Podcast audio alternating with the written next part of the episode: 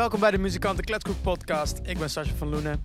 En ik ben Pieter Boutkan. En vandaag is het onderwerp crowdfunding. Want we hebben Christel Cassander, de directeur van Voor de Kunst, aan tafel.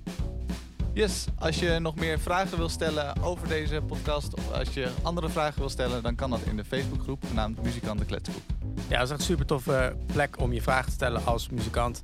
Uh, ook als je gewoon informatie of strategieën wil, kan je daar terecht. En wil je nou meer weten over de podcast zelf, dan hebben we een Instagram-account met dezelfde naam. En nog even een shout-out naar de Forstin. Daar zitten we nu. Voor nu, veel plezier.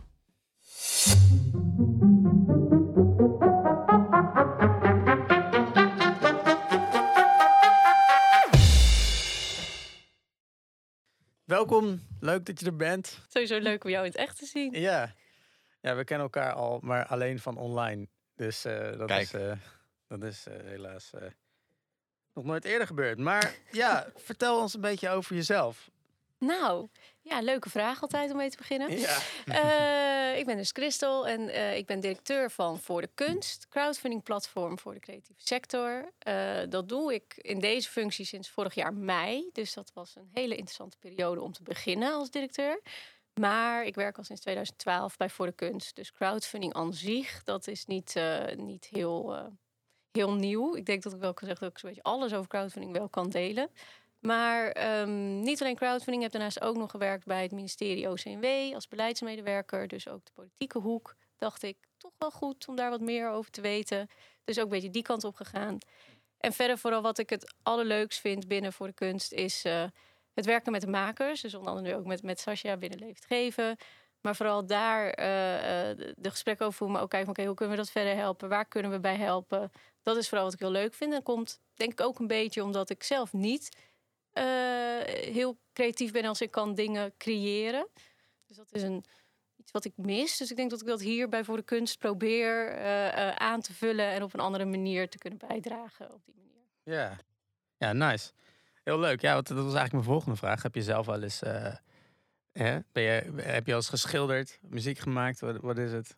Whatever. absoluut gedaan. Maar dat is allemaal niet voor openbaar om uh, te zien of te beluisteren. Of uh, ja. uh, zeker niet. Ik denk, nee, het is echt niet van dat niveau dat je denkt: goh, hier moet je wat mee gaan doen. Ja. En dat werd ook vrij snel duidelijk. Dus dat, dat helpt wel in je okay. leven. Dat je dan weet, oké, okay, dat wordt het niet. Was die conclusie van jezelf of van anderen? Nee, het was ook wel echt van mezelf. Misschien wel door reactie van anderen dat hielp. Maar wel, ik dacht, oh ja, nee, oké, okay, dit is het niet. Hier moeten we niet, uh, deze kant moeten we niet opgaan. Je kan alsnog je ei kwijt, maar dan eigenlijk door middel van kunst van anderen. Ja. Komt er een beetje neer. Ja. Weet je, ja. zelfs als je naar een museum gaat, dan kan je ook dingen bewonderen van anderen. En dat uh, kan heel bevredigend zijn natuurlijk. Ja, ja dus eigenlijk echt uh, de cultuurconsument. Ja. ja, dat is echt tof. Want ja, voor crowdfunding is natuurlijk redelijk nieuw. Nu ondertussen niet zo nieuw meer. Dat het, uh, het is geen, uh, maar het is wel iets van de laatste vier, vijf jaar of zo, zes jaar. Nee, het is al best veel, veel ouder, hè? Tien. Tien jaar, hè? Ja, ja, ja, ja eigenlijk officieel is al een beetje twaalf jaar. Want Kickstarter wow. in Amerika natuurlijk, die was het eerste crowdfunding platform echt. En uh, nou, Nederland volgde een jaar, anderhalf jaar later met Voor de Kunst. Dus het is al wel echt uh, heel lang. Maar goed, de eerste paar jaren was wel echt huh, crowdfunding. Wat gaan we dan doen? Uh, wat, wat, wat leg het woord überhaupt uit? En dat zie je wel dat dat natuurlijk nu zijn we daar wel echt verder in. Maar het is absoluut nog steeds zo dat het grootste deel dat een crowdfunding campagne gaat doen, dat nog steeds voor de eerste keer doet. Dus het wordt nog steeds wel heel vaak pas voor de eerste keer ingezet. Dus in dat oogpunt ja. is het nog relatief nieuw. Um, dus de meeste artiesten hebben het nog niet gedaan, eigenlijk. Dus nee. het is wel wel een bekend idee, maar de meeste artiesten hebben het nog niet gedaan, inderdaad. Ja. Okay. Uh, um, tien jaar geleden, dus dan kom je, is dat net na de recessie, net de, tijdens? De in. De in. Ja. Midden erin, dus ja. daarom is die waarschijnlijk ook ontstaan. Ja, nou dat is. Uh, uh, ja, deels. Ik, hij is niet daardoor ontstaan, want hij was. het crowdfunding, dat, dat zagen we dus in Amerika al, al gaan door middel van een platform. En toen uh, uh, dacht Nederland van nou, dat zou in Nederland best wel goed kunnen werken. Want we hebben een hele goede geefcultuur in Nederland. Dat vergeten we soms, maar er wordt veel gegeven in Nederland. Dus dacht ja, en juist natuurlijk een platform bouwen eromheen. Dat is gewoon een nieuwe tool om dat te kunnen stimuleren. Toen kwam wel ook de recessie. Dus toen heeft wel de politiek het ook wel een beetje ingezet van goed nieuws. hè, de- je kan nu ook gaan zelf crowdfunden. Ja, je kan nu zelf je geld. Want helaas is er natuurlijk niet meer alle middelen voor de subsidie. Dus het heeft wel elkaar op hetzelfde moment is gebeurd eigenlijk. Want er is echt net voordat Voor de Kunst in Nederland werd gelanceerd... waren de cultuurbezuinigingen aangekondigd. Iedereen zegt ook, oh, dat komt wel precies op hetzelfde moment. Maar ja, zo'n lancering bedenk je niet in een week. Dus daar waren we natuurlijk wel daar waren we absoluut langer mee bezig. En toen kwam het, en het heeft wel voor de kunst geholpen, omdat toen wel echt het veel zichtbaarheid verzorgde. Maar ehm, dus het is, het is niet eh, door de recessie, maar het heeft wel een, denk ik, een belangrijke positie gekregen daardoor. Ja, een beetje hetzelfde als wat er nu met sommige dingen gebeurd is in eh, coronatijd. Dus dat bijvoorbeeld Zoom of zo. Eigenlijk niemand kende Zoom. Iedereen had het over Skype, misschien Ja. Meet. En, eh, Ja. ja. leuk. Oké, en dat is. ehm, dus als je zeg maar crowdfunding. Het idee is dus dat je als artiest je een, een, eh, eh, door mensen laat funden. Right? Dus wat, Ja. wat, wat, vertel eens, wat is crowdfunding eigenlijk? Want ik, vind, ik, vind, dat- ik weet wat het is, maar ik kan het moeilijk uitleggen. Misschien kun je dat beter, waarschijnlijk wel. Nou, een vraag die ik natuurlijk eh, al tien jaar lang beantwoord. Ja. Eh, nou, crowdfunding is eigenlijk ook, het, het is niet nieuw. Het gaat natuurlijk om het principe dat mensen geven aan een concreet eh, eh, product, dienst. eh, dat kan dus een theatervoorstelling zijn, een album, eh, een, theater, een, een- een tour, eh, een tentoonstelling. Het kan van alles zijn. En eigenlijk wat je gaat doen is particuliere donateurs daarvoor vinden. Nou, wat zijn dan particuliere donateurs? Dat zijn dus mensen die een donatie doen wat al vanaf 10 euro al kan of hoger. En eigenlijk wat bij crowdfunding er extra bij is gekomen is dus de platformwerking. Dus het gebeurt op een online platform. En je biedt een tegenprestatie aan. Nou, een tegenprestatie kan natuurlijk van alles zijn. Eh, eh, dat is eigenlijk eh, wat je doet. Dus je, je- maakt het heel concreet en je gaat werven. En dat gebeurt natuurlijk al, nou, al honderden jaren. Maar dat noemen we nu crowdfunding. ja. Dus eigenlijk gewoon eh, basisprincipe, eh 10 euro of meer. En je krijgt wat voor terug. Waarom niet 5 euro? Of dat kan ook nog? Dat kan ook, tuurlijk zeker. Ja. Maar dat is een beetje welk, wat voor platform. Het kan er vanaf een euro. Daar, daar, dat is natuurlijk een beetje de keuze die je maakt. Eh, sommige platformen kiezen dus om een, een grens op te zetten. Maar eh, het gaat er vooral om inderdaad dat je ook... dat vooral bij crowdfunding het ook gaat om relatief lagere donaties... en niet alleen maar over de grote mecenas eh, die eh, Met duizenden euro's eh, Oké. doen. Je vertelde net al wat meer over, zeg maar, je vertelde je had bij OCMW gewerkt. Ehm, hoezo ben je bij Voor de Kunst gaan werken? Ja. Want je werkt al sinds het begin ook? Eh, relatief het begin. Dus we waren net een, een jaar bezig. Eh, dus nog wel echt in de beginfase dat er echt nog maar nou ja, een paar campagnes op het platform stonden. Toen, toen kwam ik erbij. Oké. Ehm waarmee begonnen? Ik studeerde toen kunstgeschiedenis. En ik speelde, en ik was daarvoor ik kunst en economie gestudeerd. En speelde ik wel heel erg met het idee. Die, de makers moeten meer met dat publiek gaan communiceren. Want daar zit meer. Daar kun je meer uithalen. Wat is nu het middel? Nou ja, toen kwam voor de kunst. Dat is het, middel. Dat, dat vind ik ook nog steeds. Dat, dat dat echt crowdfunding heel erg kan helpen. Om na te denken over je publiek. En ze ook in te zetten voor een donatie. En eh, nou ja, toen kwam voor de kunst. En dacht ik, nou, dat is het. Dus daar wil ik werken, want ik denk dat ik dat eh, eh, goed kan. En ik wil het ook echt verder brengen. Dit, dit is ook wat de sector nu nodig heeft. En eh, toen ben ik begonnen als stagiair. Oké. En Ja. Je bent ook begonnen als stagiair. oh. Absoluut. Ik ben heel lang zelfs stagiair geweest bij Voor de Kunst. Want het duurde even voordat we Ja. verder gingen. En Ja. Vet, oké. En nu ben je directeur. nu ben ik dat is echt superleuk verhaal. Eh, Ja, maar daar ben ik op zich wel benieuwd naar. Hoe, eh, hoe zijn die stapjes dan binnen de organisatie? Hoe eh, ben je dan van stagiair naar directeur? Ja. Nou, toen ik bij Voor de Kunst kwam, toen was er nou, de, de toen huidige directeur, Roy Kremers. En eh, er was een andere stagiair, Nico. Die werd toen medewerker. En toen kwam ik erbij als stagiair. Ehm, toen was het best wel de vraag van, gaat Voor de Kunst door of niet? Eh, eh, want eh, het was niet per se de bedoeling dat Voor de Kunst zo platform zou worden als het nu was. We wilden vooral gaan kijken, crowdfunding, hoe werkt dat? Wat doet dat met, met de subsidies? Hoe kan dat met elkaar werken? Maar goed, mede door die recessie waar we net over hadden, ging het best wel goed. Dus nou, hè, we kunnen door. Dus toen werden we een zelfstandige stichting. want we zijn opgezet vanuit het Amsterdam Fonds voor de Kunst. En toen ehm, gingen we groeien. En toen eh, eh, nou, kon ik nog aanblijven als stagiair. Het was wel een hele kleine organisatie. Dus het was ook echt wel een beetje kijken van... oké, hoeveel middelen hebben we? Hoe kunnen we groeien? En toen eh, werd ik uiteindelijk in dienst genomen als content manager. Maar het was ook echt heel erg zoeken naar... Welke functie, welke, welke functienaam gaan we het geven? Hè, want we gaan nu verder. En, en volgens mij toen werd ik relatiemanager. En ehm, eh, toen ging ik dus even de uitstap ook naar OCMW. En toen directeur. Ja. Dus het is eigenlijk heel erg stapsgewijs. Eigenlijk alle stappen die je binnen voor de kunst kan maken, die zijn voorbij gekomen. En eh, eh, dat maakt ook wel dat nu dan directeurfunctie heel leuk is. Omdat je dan ook wel alles, alles weet wat weer voorbij komt. Dan denk je, oh ja, ja, dat hebben we eerder gehad. Of oh ja, daar Ja. gaan we weer. Maar goed, dan in het begin is het nog lastig om als voor de kunst ook medewerkers ehm, een salaris te geven of iets dergelijks. Ja. Ehm, hoe is dat in het begin dan gegaan? Eh, in het begin, nou ja, ik heb best wel lang, eh, eh, zijn we ben ik gewoon als stagiair dus gebleven. Dus ook echt wel, maar ook omdat ik, ik studeerde toen ook nog. En ik dacht, nou ja, we maken hier gewoon een hele lange stage van. Het kan daarnaast dus. en ik wil natuurlijk heel graag bij Voor de Kunst werken. Dus ik dacht, ik moet gewoon blijven tot dat moment dat het kan. Ehm, eh, en op een gegeven moment zijn we wel ook eh, gaan kijken naar hoe willen we voor de kunst dus ook meer toekomstbestendig maken. En ehm, dus toen ik pas echt officieel in dienst kwam, toen kwam er echt ook een, een loon tegenover te staan. Dus dat heeft wel, eh, nou, wel een aantal jaar geduurd, ja. En dat was Ja. dan niet op, want hoe, hoe is het voor de, voor de kunst begonnen? Misschien ook, gaan we straks nog over verder, maar hoe zijn jullie, zijn jullie begonnen met hulp van de overheid? Of hebben jullie echt helemaal vanuit een... eh, Eh goeie vraag. Ja. Eh, nee, we zijn dus. eh, Roy werkte toen destijds dus bij het AFK. En het AFK, het Amsterdam Fonds Kunst, heeft dus ook gezegd van nou. Wij zijn wel benieuwd naar zo'n crowdfunding platform. Ga dat maar doen. Dus het was ook wel echt wel een, een Amsterdams initiatief. Want het komt natuurlijk uit het Amsterdams Kunstfonds.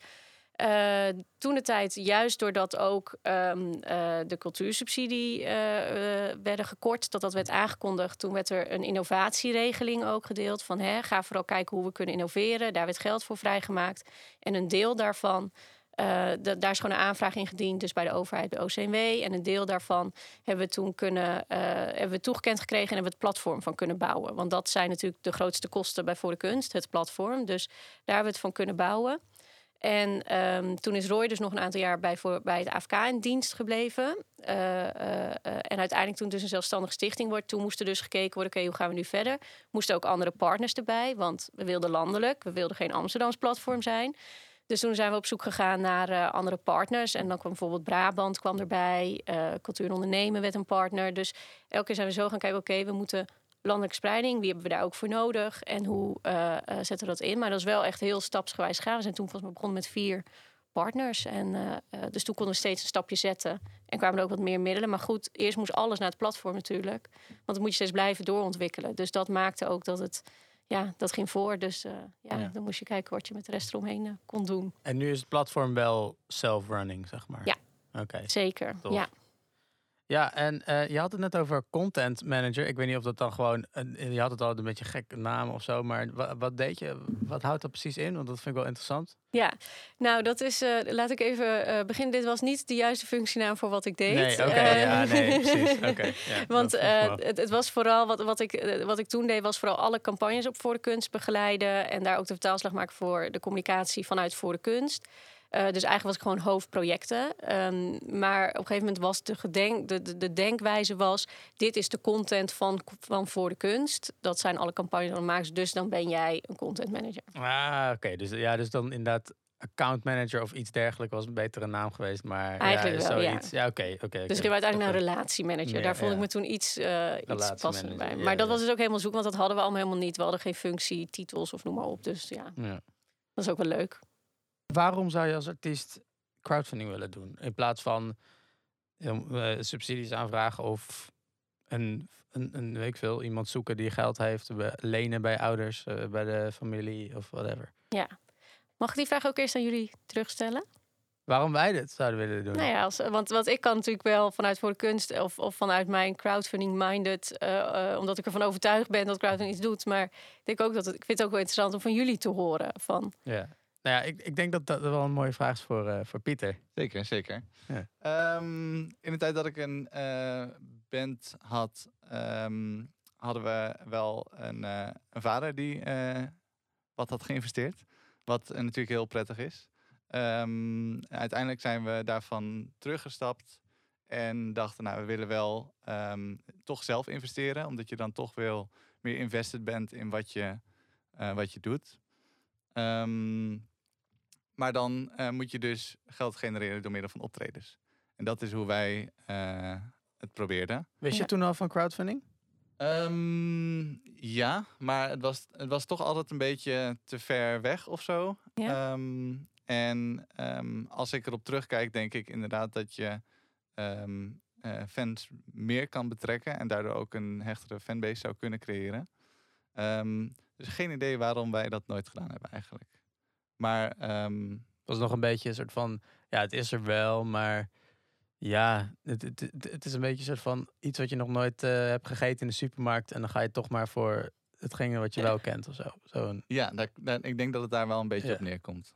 En misschien ook, want heb- misschien weet je dat helemaal niet meer, ik weet niet hoe lang geleden het is, maar hebben jullie het er wel over gehad? Of, of, want ik kan me ook voorstellen, als je niet weet waar je moet beginnen, ja, dan is het ook wel weer een drempel. En dan denk je, ja, waar moet ik dit zoeken dan? Hoe gaan we dit doen? En dat is natuurlijk niet je core business waar je mee bezig bent als je in een, in een band zit. Ik bedoel, Ja. er zijn Ja, ik denk dat het ehm, een lichte ondertoon eh, kan hebben van bedelen. Ja. En ik denk dat dat ehm, misschien dan wel het algemeen sentiment bij ons was. En bij mij Ja. was het ook van, ehm, ik wist niet dat voor de kunstenaar per se een crowdfunding ding was. Omdat dat, ehm, kijk, bij Kickstarters, eh, dat is het mooie van Amerikaanse onder, zeg maar ondernemingen. Ze, ze, ze doen staat heel erg soort van bovenop van, oké, moet in één zin, moet het duidelijk zijn wat het is. En dat, daar blijft het ook bij. Zeg maar, dit is het. En als we iets anders gaan doen, gaan we pivoten, heet dat dan. En dan wordt het weer helemaal anders. En dan, dan is dat één zin. Dus het was heel duidelijk, oké, crowdfunding. Er waren al een paar voorbeelden geweest met eh, miljarden crowdfunding dingen. Of miljoenen, honderd miljoenen die ge- gelukt waren. Maar bij Voor de Kunst dacht ik, kwam ik het, zag ik het in één keer een beetje voorbij komen bij, bij andere artiesten uit mijn netwerk. Van, hé, hey, die doen iets met Voor de Kunst. Ik dacht in eerste instantie dat het een soort initiatief was als een soort... ehm, ja, eh, een soort subsidie of misschien een soort hulp o- ontwikkelingsding, maar bleek dus crowdfunding te zijn, maar op een hele andere, gewoon echt Nederlands. Ja. En eh, ja, dus dat voor mij was het dus ook, ook een beetje dat ik gewoon niet wist dat het in Nederland, dat dat in Nederland al was. een tipje voor ons, zorg voor meer eh, zichtbaarheid toen, of daar. toen, het was echt, ik heb het over, daarom zei ik ook, het, het is al pas vijf jaar geleden begonnen, toch? Dus, dus ja, ik we- wist het gewoon nog niet. We zijn in vijf jaar tijd wel voor uitgegaan voor Ja. wat we gelukkig. Ja. Nou ja, het is wel. Nou ja, het is voor dat. Nou ja, dat is ook een onderdeel wat voor de kunst is. Voor ons, als je bij voor de kunstwerk zo leuk maakt, omdat we dit soort dingen dus heel graag ook, ook horen natuurlijk en ook van waar zit dat dan? Maar waarom ehm, je moet doen is, is het is altijd het, het spel tussen het geld en, en die fans en de achterban en die donateurs. En ehm, misschien eh, even als voorbeeld voor de kunst wordt echt heel vaak gevraagd van om ergens een presentatie te komen geven zodra het over geld gaat. Van oh, eh, jullie eh, kunnen geld sparen, kom maar, kom daarover praten. Maar eigenlijk zien wij onszelf niet alleen maar als een, een, een financieringsplatform. Want het gaat juist heel erg om het vinden van die donateurs. En als het goed is, heb je al een, een fanbase opgebouwd als je al natuurlijk werk hebt gemaakt. En juist die fans dus op een andere manier betrekken. En wat heel vaak vergeten wordt, is dat het doen van een donatie, dat is de meest simpele handeling voor een, een fan om jou te kunnen helpen. Want het kost me minimale tijd. Ik hoef niet ergens naartoe. Ik hoef, ik, hoef, eh, ik hoef nergens eigenlijk bijna over na te denken. Het is vooral, jij stelt mij de vraag. Ik kan met relatief kleine bijdrage jou al verder helpen. En ehm, eh, dat is dan ook een beetje waar ook weer het bedelen bij komt. Eh, er wordt soms ook vergeten hoe, hoe graag juist de achterban wil helpen.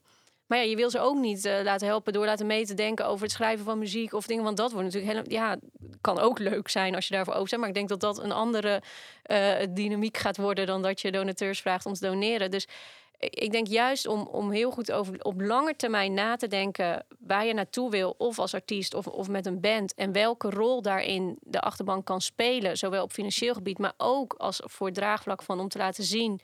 Wij zijn betrokken en zij zijn natuurlijk ook de ambassadeurs weer, want zij gaan weer, weer verder praten. Zij zijn enthousiast. Eh, ehm, is het juist ook een heel goed middel om die achterban te activeren. Gewoon door het vragen van een donatie, mee te doen, samen iets te ontwikkelen. Eh, en als je meer vanuit die kant bekijkt en op die manier dus ook gaat campagne voeren, ja, dan, dan is het natuurlijk niet de bedeltoon van oké, geef me nu geld, want ik moet nu dit doen. Want dan, ja, dat is natuurlijk ook, een, is ook natuurlijk een communicatietruc die daarin zit. Ja, dus dit is, eh, ja, ik snap dat ook wel van. En, ehm, er zitten een paar vragen die ik over wil stellen. Maar in de, even op het bedelen, bedelen van, van dat. Ja, het is. Het is ehm, bijvoorbeeld, eh, om toch weer even terug te komen op Amerika, is het vrij normaal. Daar heb je geen subsidies. Dus dat is heel, daar, daar is het gewoon heel normaal van, joh, eh, als je dit vet vindt, support ons dan. En eh, dat gebeurt heel veel daar. Dus het, en het is ook niet een nieuw ding, inderdaad, zoals je zei. Het is al eeuwen oud. Dus ja, ik bedoel, als je echt iets teruggeeft. Ik bedoel, bedelen, je zit niet op straat en je komt niet langs, weet je wel. Het is, ik bedoel, als je ouders het, of whatever, je, je vrienden het leuk vinden, dan kunnen ze het gewoon supporten en anders niet. Dus ik, ja, ik weet niet. Ik vind dat, ik vind dat, ik vind dat ook een beetje een, eh, een ding. Maar mijn vraag is eigenlijk, ehm, hoe kun je dat omkeren als, zeg maar, het is niet van dat je me, niet dat ik bedel van geld, maar meer van je kunt me supporten. Hoe kan, hoe kan je dat, hoe kan je dat, zeg maar, die awareness Ja. maken bij je fanbase? Ja, Ja, het mooie wat ik wel vond dat je zei, je doet het samen. En Ja. dat, dat dat dan ook wel misschien dan eh, de conclusie kan zijn. Want het is niet van eh, wij zijn eh, artiest of wat, en wat je ook in de kunst eh, doet. Ehm, geef ons geld en wij, wij, wij doen ons ding. Maar dat je inderdaad ehm, onderdeel laat maken van. ehm, en de- ja, dat is ook wat terug. Ja, hoe doe je Ja. dat dan? Hoe, dus, dus ja, de, de tegenprestatie, maar Nou, ik denk dat het eh, eh, een goed voorbeeld is heel vaak dat wij eh, op het moment dat een crowdfunding geslaagd is, dan heb je dus een hele mooie achterban. Ehm, voor de kunst trekt zich dan als het ware terug. Want dan zeg oké, crowdfunding is geslaagd, alles is afgerond. Nu moet jij gaan zorgen voor je donateurs. En dat is eigenlijk het meest cruciale moment, omdat we gaan het samen maken, te realiseren natuurlijk. Ehm, nou ja, en hoe doe je dat? Is ook de donateur op de hoogte houden. Maar wat heel vaak wat wij terugkrijgen van, eh, van de makers is dat ze dan zeggen: Ja, ik weet eigenlijk helemaal niet wat ik naar die donateurs moet sturen. Dit willen ze toch helemaal niet horen? Of ja, ik ben nu gewoon in mijn maakproces en ik, en ik, eh, en ik ben, ben dingen aan het ontwikkelen. Maar ja, dat is nog helemaal niet goed. Of eh, dat is echt nog niet eh, zo ver dat, dat ik dat. dat die donateurs dat al interessant vinden. En ik denk dat daar zit een, een denkfout. Want op dat moment vul je het ook in voor de donateur. Jij bepaalt wat jouw achterban wil horen. Heb- Hebben ze dat tegen je gezegd? Meestal niet, want dat heb je dus zelf bepaald. En dan heel vaak als je dus dan, juist als wij dus aan donateurs gaan uitvragen, is ja, maar we willen juist dat proces. Wat gebeurt er? Hoe, komen, hoe kom je tot, dat, tot het eindproduct? Of, of, of, nou, of tot dat nummer? Of, of dat je bepaalt hoe een tour eruit komt te zien? Hoe, ziet dat, hoe zit dat proces in elkaar? Want heel vaak zijn donateurs eigenlijk mensen zoals ik, die het zelf niet kunnen, maar die wel willen dat, dat, het, dat, het, dat het om je heen is. Omdat het natuurlijk, nou ja, je, je wil het consumeren, je wil er onderdeel van zijn. Dus het is vooral ook ehm eh, erover nadenken van wat kan ik delen eh, en hoe, hoe doe ik dat? Nou, we mogen denk ik ons heel blij prijzen dat we dat nu op heel veel makkelijke manieren kunnen doen door alle social kanalen en alle middelen die daarbij zijn. Ehm, ik denk dat je tijdens campagne voeren doet. Wat heel erg helpt, is dat het een heel concreet doel heb je eh, zelf geformuleerd. Je hebt heel duidelijk gemaakt: dit is wat wij willen gaan realiseren. Daar hebben we nog zoveel geld voor nodig. Als jij wil dat dit er ook komt, moet je meedoen. En dat is natuurlijk wel precies wat, wat een donateur, ook als zij een kaartje kopen of noem maar op. Ja, jullie, je kan als artiest ergens staan omdat die kaartjes worden gekocht. Precies wat jij zei, van nou, dat gingen we doen omdat we gingen optreden. Dan zeg je natuurlijk eigenlijk precies hetzelfde tegen een donateur. Of tegen wat dan op dat moment een bezoeker is. Maar er zit ook die transactie. Dus het is eh, eigenlijk veel meer wat alles wat je creëert, is eigenlijk waarde voor die donateur. En dat moet je omzetten naar, eh, naar de content eh, voor de donateur toe. Is dat enigszins? Want ja, oké. absoluut. Ja. Ja. Zeker, de- zeker, zeker. Ja, nou ja, en dan. ehm, waarom, waarom dan, want je had het zelf al over Kickstarter net. Waarom niet Kickstarter en waarom voor de kunst? voor de kunst het beste platform is. Nee, nee, Omdat zeker we ideal niet. hebben. Omdat we ideal hebben. Dat is Ja. een hele praktische reden waarom ik Ja. absoluut, als je een Nederlandse achterban hebt, absoluut voor de kunst moet gaan. Nee, ik denk, eh, eh, laat ik duidelijk zijn dat eh, wij natuurlijk uh, stikjaloers zijn op, op het platform van Kickstarter. Want dat zit technisch, is dat echt een soort droom natuurlijk voor ons. Zij hebben natuurlijk veel groter bereik, dus veel meer budgetten. Ze hebben dat ehm, ehm, nou, lekker door kunnen ontwikkelen de afgelopen tien jaar. Dat is ook duidelijk. Alleen ja, het is wel echt een Amerikaans platform. En wat maakt dat ook, is dat ook dat je dat ziet in, in de communicatie en alles wat geautomatiseerd is. Is de, de Amerikaanse toon terug? Nou, dan merk je toch wel dat bij Nederlandse donateurs dat toch wel, nou ja, soms een beetje, beetje moeilijk is. Dat vinden ze afstandelijker. Dus dan vinden ze een Nederlands platform fijner. Natuurlijk, dat is ook in eigen taal helpt daar toch ook nog wel vaak mee.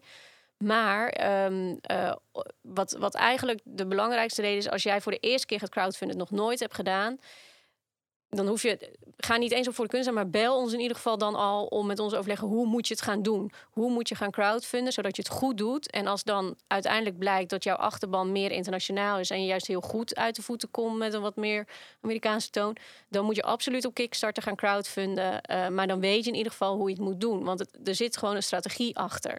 We hebben dat inmiddels na tien jaar echt wel uitgedacht hoe je dit goed moet doen.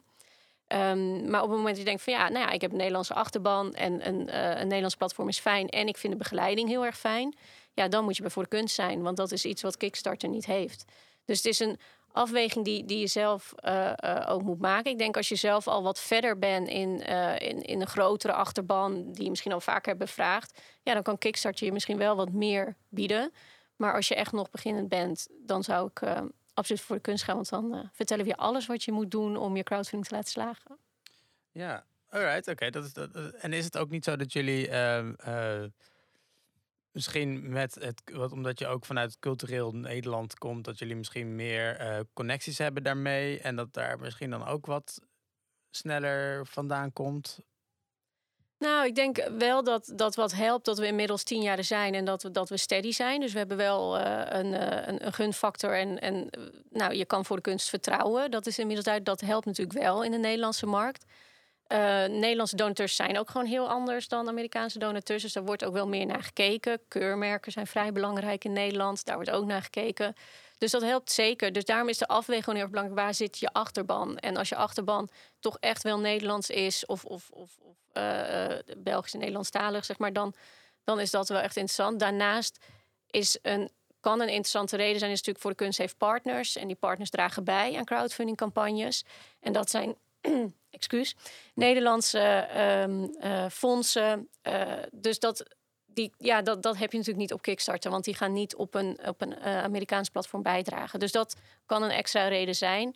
En dat maakt wel dat wij natuurlijk wel ook het subsidieveld goed kennen. Dus wij kunnen wel iets meer ook eh, als je, als je al een subsidieaanvraag hebt lopen en je wil daarnaast een crowdfunding gaan doen. Ja, dat, dat is, daar hebben wij natuurlijk meer kennen. Daar gaat een, crowd, gaat een Kickstarter natuurlijk niks van vinden, want die heeft geen idee wat nee. hoe dat nee, want ik, ik had gehoord dat in, uh, ik, ik, was laatst in Rotterdam of naar een, uh, ja, van uh, iets van een Where's the Money at-achtige bijeenkomst voor muzikanten ehm, van Poppunt. nee, van niet Poppunt. hoe heet het nou? Pop Unie.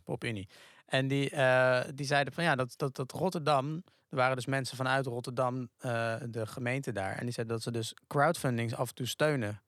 Uh, dat doen ze dus af en toe. Maar is dat dan, doen ze dat dan alleen op voor de kunst? Ja, oké. Ja. Dus, in dit geval wel. Ja. Dus als je uit Rotterdam. En dit is even voor duidelijkheid, dit is echt alleen voor Rotterdamse uh, initiatief, omdat dat een Rotterdamse fonds is. Maar ja, nu heb, zo heb je best wel wat fondsen natuurlijk. We hebben landelijke dekking. Dus uh, mede dankzij met het Cultuurfonds, met provinciale afdelingen. Dus dan er, is een grote kans dat je inderdaad in aanmerking kan komen voor zo'n aanvraag. Je weet het alleen niet van tevoren. Dus dat is ook, je gaat crowdfunden. Het gaat om donateurs werven. En dit is echt een, een, een stimulering om, om, om je te helpen bij die campagne.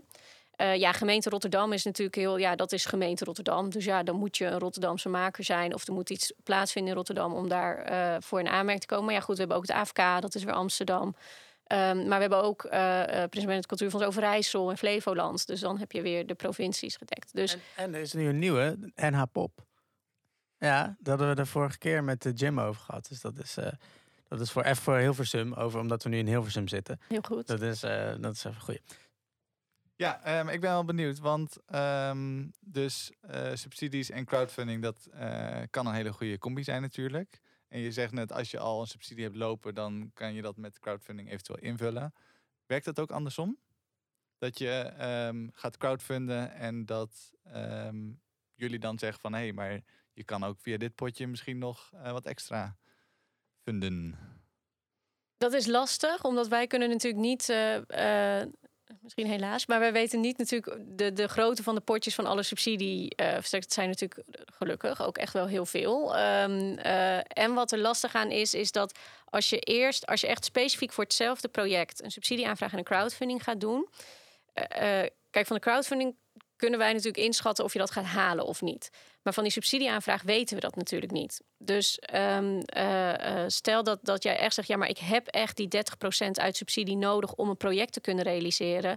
Ja, dan, heb, dan is het natuurlijk beter om eerst die subsidieaanvraag te doen, want dan weet je dat. En dan de crowdfunding. Want als je de crowdfunding dan dus slaagt, dan weet je, ik ga dit uitvoeren, want ik heb alles rond. Als je de crowdfunding gaat doen en je krijgt die subsidie niet, ja, dan moet je dus tegen je donateurs gaan zeggen: ik kan het niet doen of het moet anders. Of, en dat maakt het lastiger.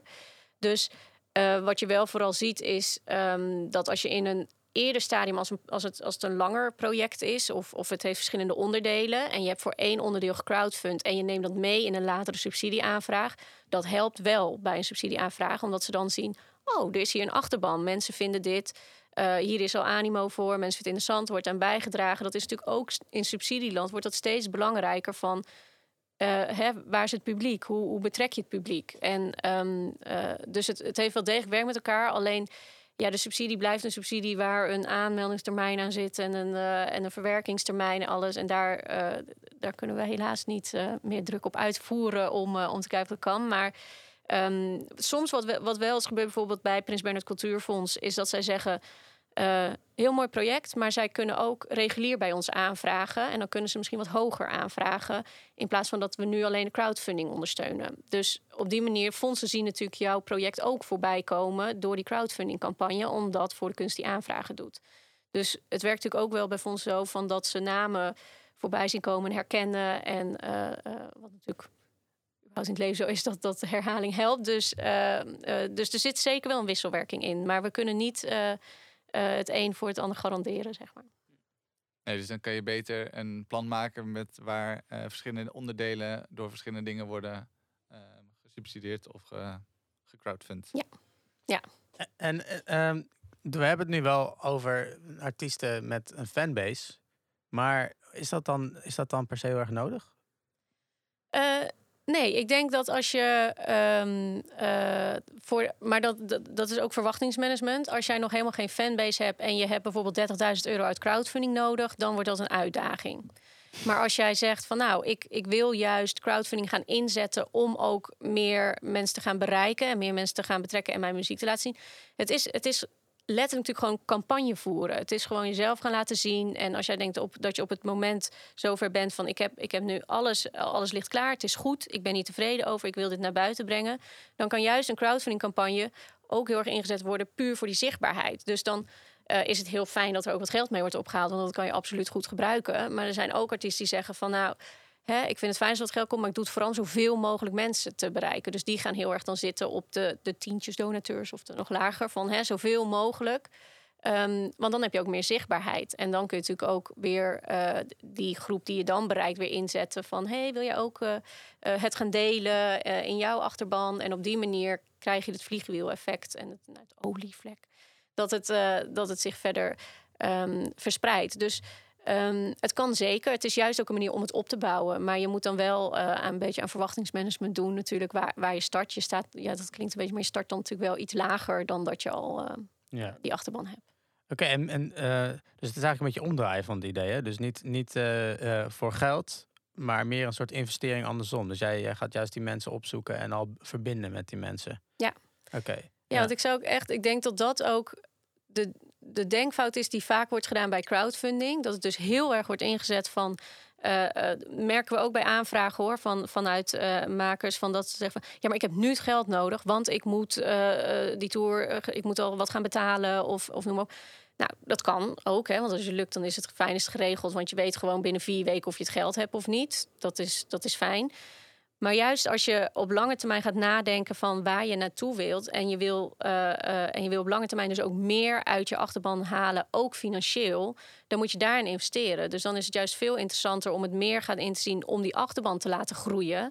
Dat op het moment dat je uh, een, een grotere tour wil gaan doen, dat je misschien al een grotere achterban hebt, die dan meer kan vragen. Want daar heb je op geïnvesteerd de laatste, ehm, de laatste tijd. Dus juist door hem meer zo in te zetten. En ik denk helemaal voor de kunst- en cultuursector is het op die manier inzetten van crowding, crowdfunding veel waardevoller dan dat je alleen maar gaat zitten. Ook oh, ik heb nu 3000 euro nodig. Ook oh, ik heb nu 8000 euro Ja, Dat, dat, dan gebruik je het middel gewoon niet optimaal. Dus als artiest word je een beetje gedwongen om verder na te denken dan uh, zeg een paar weken, een paar maanden. Ja, ja. Ja, maar het is ook een mindset change. Want het is gewoon. ehm, ik bedoel, als je nu eenmaal. Het is tof dat je dan 3000 euro krijgt. En ik denk, eh, het idee van bedelen komt daar ook een beetje vandaan. Hè? Dus als je dan eerst 3000 euro, cool, kunnen we dit maken. En dan weer 8000 euro, oh cool. En dan als je dan tussendoor helemaal niks doet met die mensen. Dan is het bedelen. En dan komt het misschien ook zo over. Maar als je juist het omdraait en denkt van... oké, dit zijn mensen die het al leuk vinden. Ik ga ze nu ontzettend veel geven. In ieder geval van wat ik kan geven. Misschien filmpjes of whatever. Of eh, dan is het misschien. eh, eh, eh, dan, dan, dan zijn ze ook veel meer bereid om de volgende keer weer wat te doen, denk ik, toch? Ja, absoluut. Zie, zien jullie dat ook Precies. terug? Ja. Ja? Ja. dat zien we zeker terug. Je ziet, wat, wat ik heel fijn vind, is dat ik, dat ik nu meer kan zien terugkerende makers. Dus die vaker weer een crowdfunding inzetten. Dus die de vorige donateursgroep weer gaat vragen. Hè, ik ga nu eh, of weer een fotoboek doen. Of ik ga weer een nieuw album eh, opnemen. Willen jullie eh, daar weer aan bijdragen? En dat is natuurlijk voor een platform heel fijn. Dat ze terugkomen en dat je ziet, oké, het gaat weer slagen. Donateurs doen weer mee.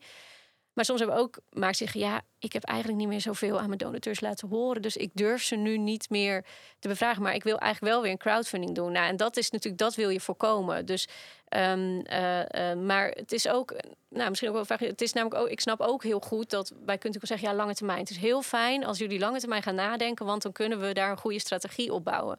Maar soms weet je het natuurlijk ook gewoon oprecht niet wat er volgend jaar gaat gebeuren of wat je gaat doen. Dus dat maakt het ook, dat is voor ons ook een beetje als voor de kunst een zoektocht van we willen graag meer ehm, eh, daarin in, in helpen, in, in, in ondersteunen. Van hoe kunnen we dat na zo'n crowdfunding campagne doen. Maar soms hebben we ook maken, ja, die, die, die stopt opeens helemaal met, met hetgene wat hij op dat moment aan het doen is. Want ze zeggen, ja, dit is het toch niet. Ik ga een andere discipline in, ik ga het anders doen. En dat is natuurlijk, dat kun je goed ver, wel naar je donateurs weer eh, natuurlijk. Maar soms wordt dan ook weer helemaal vergeten. En dan is het ook vraag, ja, wat doen we dan met die groep donateurs? Dus het is natuurlijk wel, ik kan me voorstellen dat we nu denken, ja, is lekker makkelijk gezegd. Van ga er maar even, ga maar even een meerjarenplan maken. We horen graag even hoe jouw aankomende drie jaar uitziet. Terwijl we ook allemaal weten dat het juist in onze sector een sector is waar dat juist heel lastig is om, om dat zo te kunnen zeggen. Ja, maar d- dan zou je, dan kom ik weer terug op wat je ook eerder zei, dat, dat mensen graag willen zien wat je, eh, het, het proces misschien, toch? Ja. Dus dat is dan weer ja. Ja. Eh, ja, dus het proces is eigenlijk ook best wel belangrijk. Dus misschien eh, dat je dan, ehm, ja, kun, kun- kan je op die manier niet iets doen dan? Dus dat, dat je ze op zo eh, wat meer eh, aan, in de hoogte, op de hoogte houdt? Ja, ik denk dat dat heel belangrijk is. En ik denk dus ook dat je niet terughoudend moet zijn als je toch denkt of iets, of hè, we, we wilden heel graag over een jaar hier staan, dat gaat toch anders worden, of we gaan iets anders doen. Ja, die donateur vindt dat echt meer dan prima hoor. Ik bedoel, die, die snapt ook wel dat, dat je niet alles. ik bedoel, heeft die donateur goed zelf ook last van dat niet alles zo gaat als dat je had gepland. Dus juist inderdaad dat delen, ik denk dat dat heel belangrijk is. Maar het is wel, het enige waar het wel echt mee start, is dat je wel zegt: Oké, ik vind die achterban belangrijk en daar ga ik vanaf nu, neem ik die mee in mijn proces. Dus dat moet je eh, eh, wel consistent blijven doen. En daar, dat, dat is eigenlijk beetje het heikelpunt nu. Dat, je ziet dat we daar eigenlijk nog niet allemaal binnen sector de, de lange adem genoeg voor hebben om dat te doen. En dat is heel erg zonde, want dan verlies je ze weer, ja, en dan weer de aanspraak op maken. Dat is natuurlijk een beetje pijnlijk. Ja, want ehm, voor een artiest is natuurlijk het valt of staat met fans. Ja. Daar komt het wel op neer. Ehm, je hebt verschillende platforms, eh, vooral social media natuurlijk, waar je eh, voornamelijk eh, contact hebt met die fans. Ehm, en dan ga ik er ook vanuit dat je ehm, veel op die sociale eh, platforms blijft communiceren met die fans. Hoe, hoe werkt dat ten opzichte van eh, voor de kunst? Eh, dat is wat je moet realiseren bij een crowdfunding platform. Wat je krijgt zijn heel plat gezegd e-mailadressen. Dus je weet natuurlijk niet of ze je al volgen op de social kanalen. Dus je moet ze vanaf de e-mailadressen naar die social kanalen krijgen. Nou, dat is te doen, want dat kun je gewoon natuurlijk met, met ze meenemen in de mailing.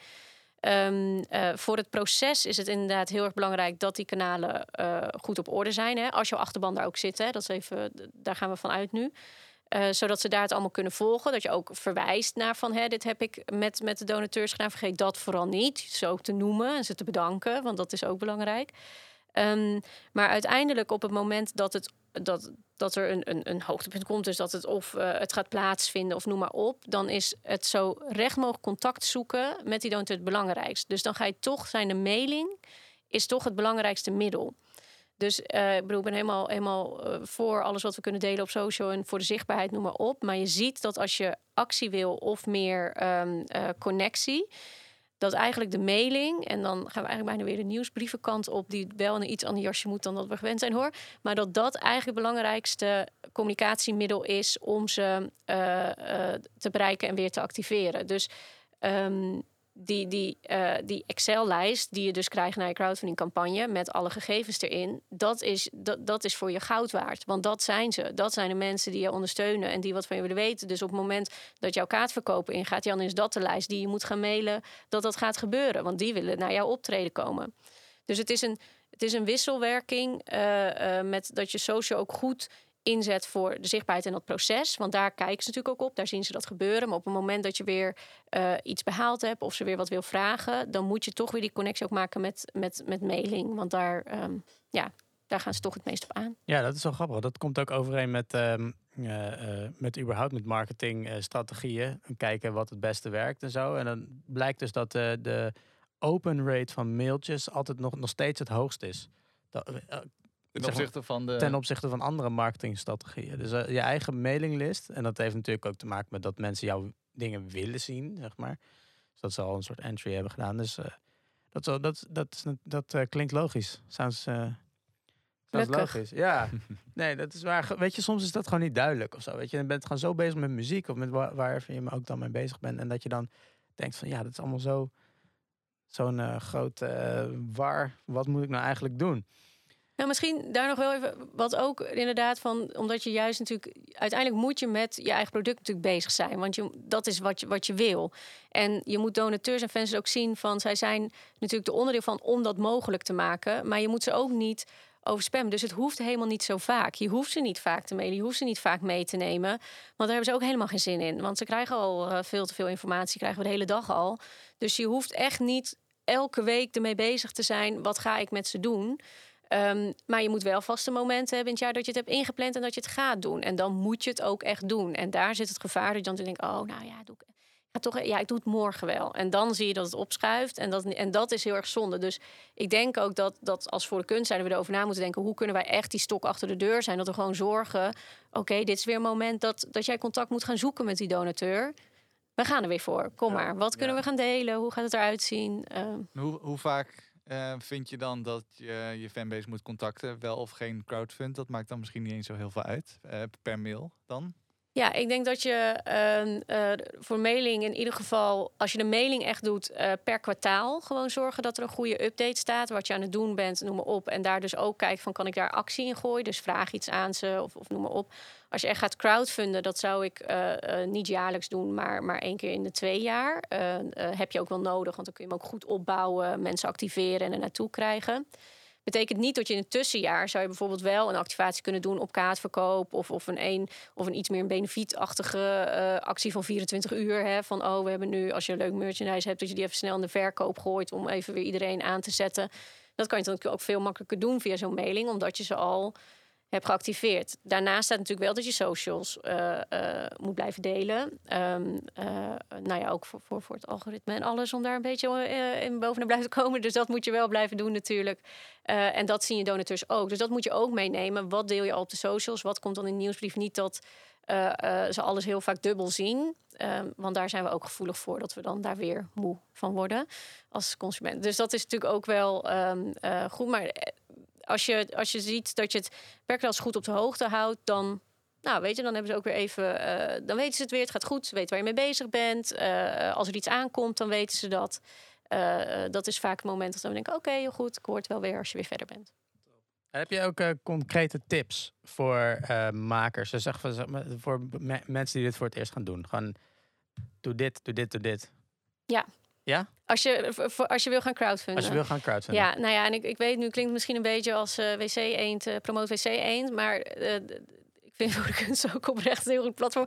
Maar ik vind echt, als je nadenkt over crowdfunding en je hebt het nog nooit gedaan, ga, nou ja, ik zou echt als je meldt, doe gewoon eerst aanmelding voor de kunst. Want als wij denken dat het niet goed is of je bent er nog niet klaar voor, is dat wat we tegen je zeggen. Als wij denken dat het wel goed is, dan gaan we het vertalen naar crowdfunding. Dus die eerste aanmelding is ook echt heel simpel. Dat zijn maar een paar zinnen. Dus wij hoeven geen projectplan, wij hoeven geen subsidieplan, helemaal niks. We willen gewoon in een paar zinnen weten wat je wil gaan doen en hoeveel geld je nodig hebt.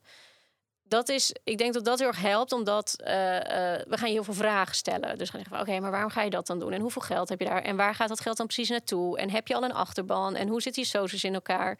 Ehm, en dat is eigenlijk wat je nodig hebt om te gaan starten. Nou, als je denkt, ja, ik vind aanmelden eigenlijk al een stap te ver.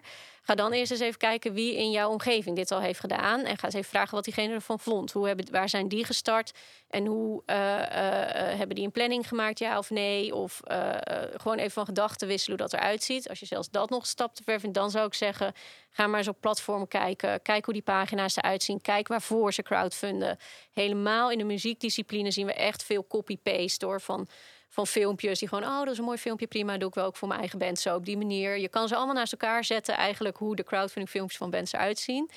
Dus er is al heel veel. Dus eigenlijk zou mijn eerste tip zijn: ga alsjeblieft niet, doe niet alsof niemand dit nog heeft gedaan. Dit hebben al heel veel mensen gedaan. En maak daar gebruik van. En maak gebruik van uh, de mensen die je erbij kunnen helpen en ondersteunen. Um, uh, want het scheelt je gewoon heel veel tijd, heel veel werk en heel veel overpeinzingen die je anders toch gaat doen. En dat is echt niet nodig. Dus uh, eigenlijk is mijn tip gewoon uh, zoek, uh, zoek hulp en ga het niet zelf uitzoeken. Ja, want je had uh, net al even genoemd dat je zelfs ook voor een tour crowdfunding kan aanvragen. Wat ja. voor dingen, als we het dan hebben over muziek, zie je voorbij komen waar mensen crowdfunding voor vragen? Ja, nou het allermeest album. uiteraard, dat is ook crowdfunding technisch een heel fijn onderwerp, omdat dat heel concreet is voor een donateur. Misschien nog heel even over dat Belen terugkomen. Wat, je dan ook ziet, is dat natuurlijk meer een soort voorverkoop opgaat. Hè? Dus dat, dat kan ook helpen als je er heel ongemakkelijk voelt. In, in campagne voeren is dit natuurlijk een hele safe manier. Want ja, eigenlijk zeg je gewoon: hey, wil je mijn album alvast? Je kan hem hier uh, vast afnemen als tegenprestatie. Um, uh, uh, je ziet inderdaad, nou, moet ik even denken, je ziet, je ziet tours, je ziet ook soms um, materialen, attributen voor studio's. Uh, van ik wil de studio in, ook studiouren uh, uh, om, om te crowdfunden. Dus dat zit net weer wat voor dat het album natuurlijk er komt. Vaak zit dat er al in. wat je nu ook meer weer ziet is de, um, de albumhoesen en meer dus de, de samenwerking met een ontwerper die er vaak weer meer in terugkomt om dat mooi te kunnen opleveren. Um, en het kan inderdaad een, een theatertour zijn, maar ook wel of één concert of een specifiek programma wat je wil draaien. Dat zien we ook veel terug.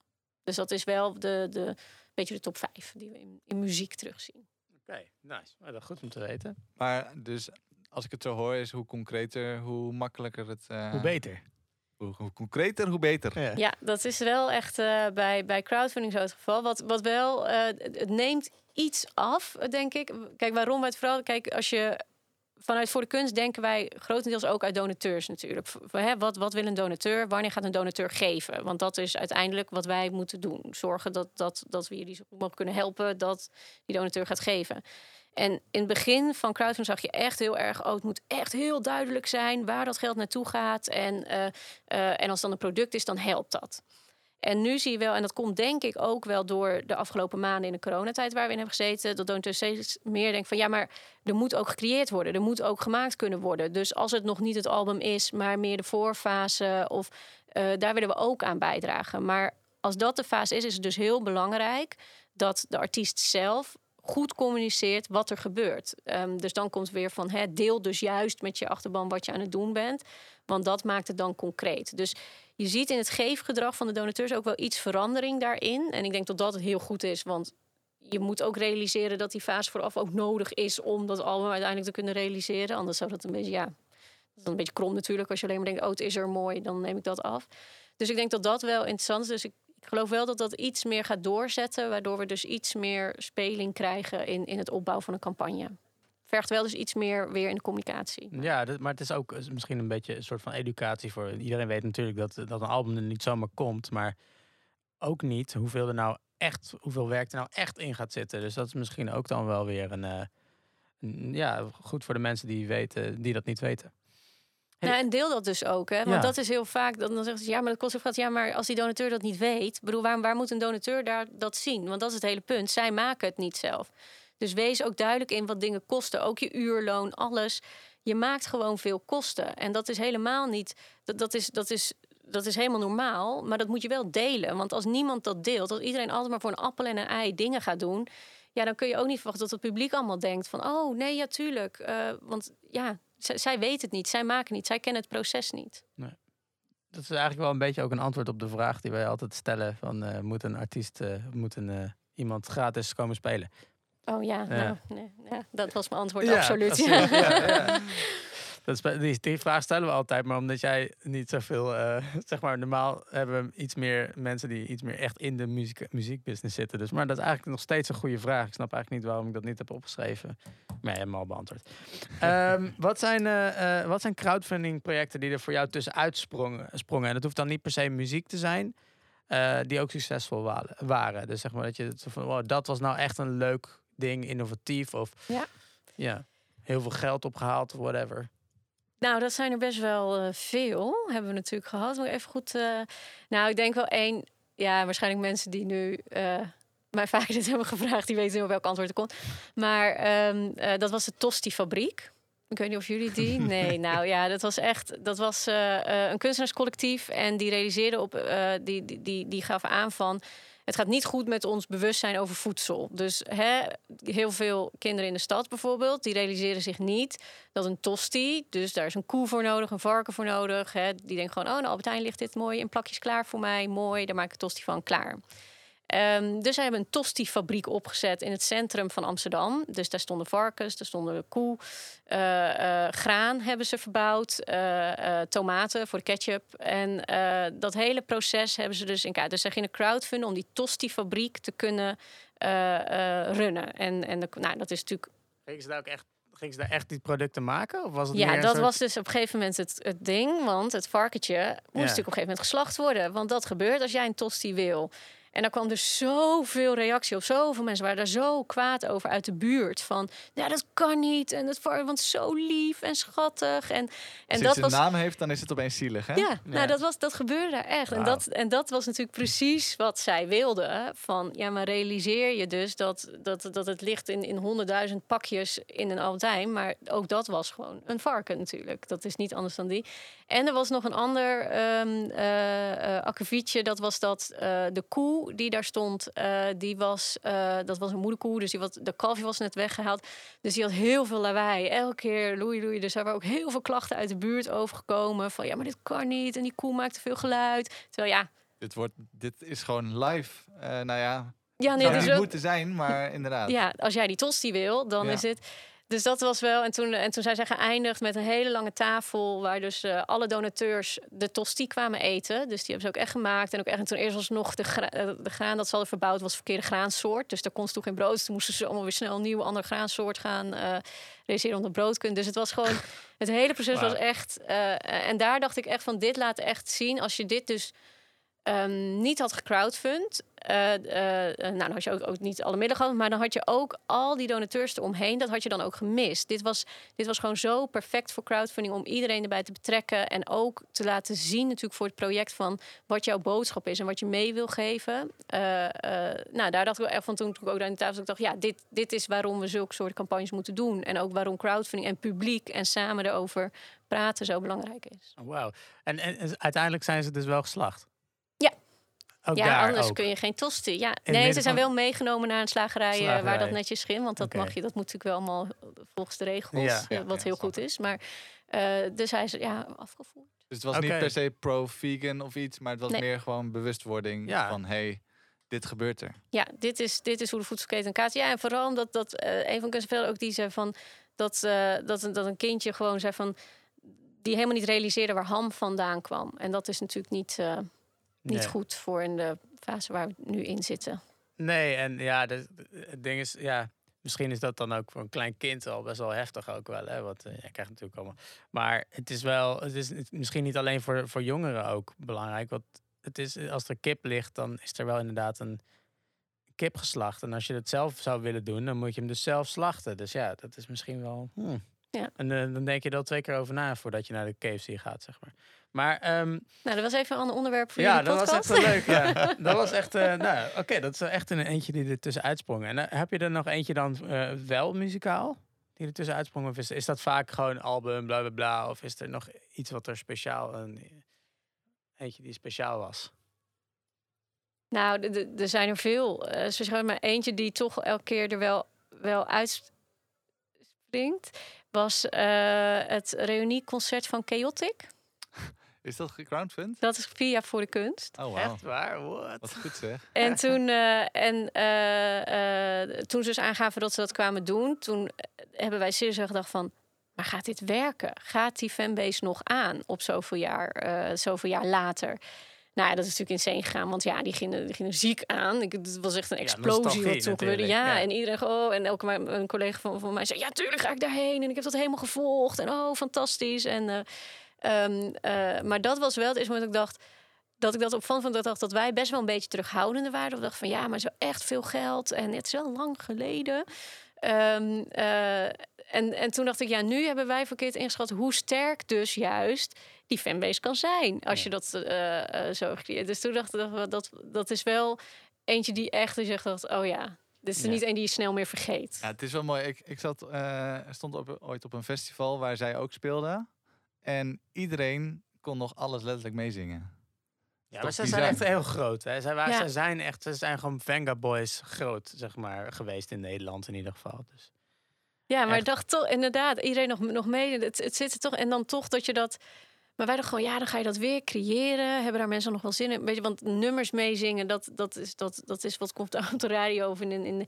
Maar op het moment dat je dus echt allemaal naar zo'n uniek concert gaat. Maar ja, het, wa- het, was, het was natuurlijk fantastisch. Het Ja. winnen. Maar dat was, eh, ja, dat, dat vond ik wel een hele. Ja, onderschat de, de kracht van nostalgie niet. Dat ik bedoel, ik, kijk, kijk maar naar Pokémon kaarten. Ik, dat vond ik vroeger helemaal ding. En ik had er gewoon, ik had vier van die Charizards. Ik weet niet meer waar ze zijn. Die zijn nu gewoon 2000 euro minimaal per stuk. En zo, als je een perfecte hebt, heb je een paar miljoen in je handen gewoon. Dus dat kan je eh, ook crowdfunden. Ja, kan je Pokémon kaarten crowdfunden. Nou, mooi. Hey, maar ehm, hoeveel hadden ze gevraagd dan, Chaotic? Mag, mag niet zeggen? Natuurlijk mag ik, maar Oh, ik weet het oh. niet meer. Weet niet meer. Nee, Oh. het staat allemaal. Het is allemaal. eh, het staat allemaal Bekend. op de op de eh www.voordekunst.nl. Daar kan je het gewoon op vinden. Ehm, eh, het, ze zijn er echt ver overheen gegaan over het doel. Want ik denk dus als dat wij toen nog hebben gezegd, "Hmm, misschien iets, iets lager, maar. Maar zat het in de, eh, in de, in de 50.000 range? 100.000? nee, ja, daarboven. 100, ja, oké. Wauw. Daarboven. Wow. Oké, dat is... eh, Zijn er veel projecten die daar ver, die ver boven het eh, streefgedrag uitkomen? Eh, ik durf geen percentage te geven, maar inderdaad, eh, eh, een, een, ik zit even te denken, want 92, op dit moment is ons slagingspercentage echt bizar hoog, 92 procent. Dus dat, is. Dat is echt heel hoog. Dat is ook sinds de afgelopen maanden dat, dat dit nu zo is. Dus dat is heel fijn. Dus schijnbaar gaat het nu goed met geven. Dus als je erover nadenkt, doe het nu. Want de donateur heeft er nog zin in. Ehm, en, ik, en eigenlijk de meeste campagnes gaan wel iets over de 100 heen. Hè, omdat ze dan toch, dan, dan hebben ze de 100 bereikt. Dan heb je altijd nog donateurs die denken, oh, ik wil hier nog aan bijdragen. Ik doe dat nu nog snel. Je ziet ook donateurs die jou niet kennen, die dragen graag bij als je de 100 hebt gehaald. Dat is een beetje zuur, want dan denk je, oh, ik ben zo spannend of ik de 100 haal. En dan gaan mensen dus bijdragen als je de 100 hebt gehaald. Maar goed, het is extra donaties, dus het is wel heel fijn. Ehm, eh, eh, en eigenlijk zie je bij degene die het niet halen dat ook echt de campagne niet van de grond kwam. Dus dat er eigenlijk niet is eh, gestart met werven of echt goede communicatie is opgezet of niet goed is voorbereid. Ehm, dus die halen ook echt nog niet eens de helft, zeg maar. Ehm, dus heb- ja, er gaan zeker mensen over de 100 heen. En heb je nooit dat, dat iemand wel alles helemaal goed doet en dat ook niet lukt? Nou, daar zullen we er wel een paar van hebben, volgens ja. het boekje. Maar ik denk, ik durf te zeggen, en dat durf ik nu niet helemaal, want eh, ik doe natuurlijk nu de begeleiding iets minder van projecten, maar in de, die ik de afgelopen jaar heb gehad, durf ik wel te zeggen, het zullen er vijf zijn. In de afgelopen tien jaar? Ja. Oké. Nou, laten we dan acht van maken voor, mijn, eh, voor mijn marge. Oké. Eh, nee, want ik, nee maar, maar ik geloof ook oprecht dat. Kijk, het kan ook niet anders als je, als, we- en, en dan, als je, als je een slagingspercentage van 92% hebt, dat je natuurlijk wel weet hoe, hoe we dit moeten doen en hoe we kunnen helpen. En we hebben dan ook nog zo'n matchingsbijdrage eventueel erin. Dus er zijn natuurlijk echt wel dingen die, die stimuleren. En Ja.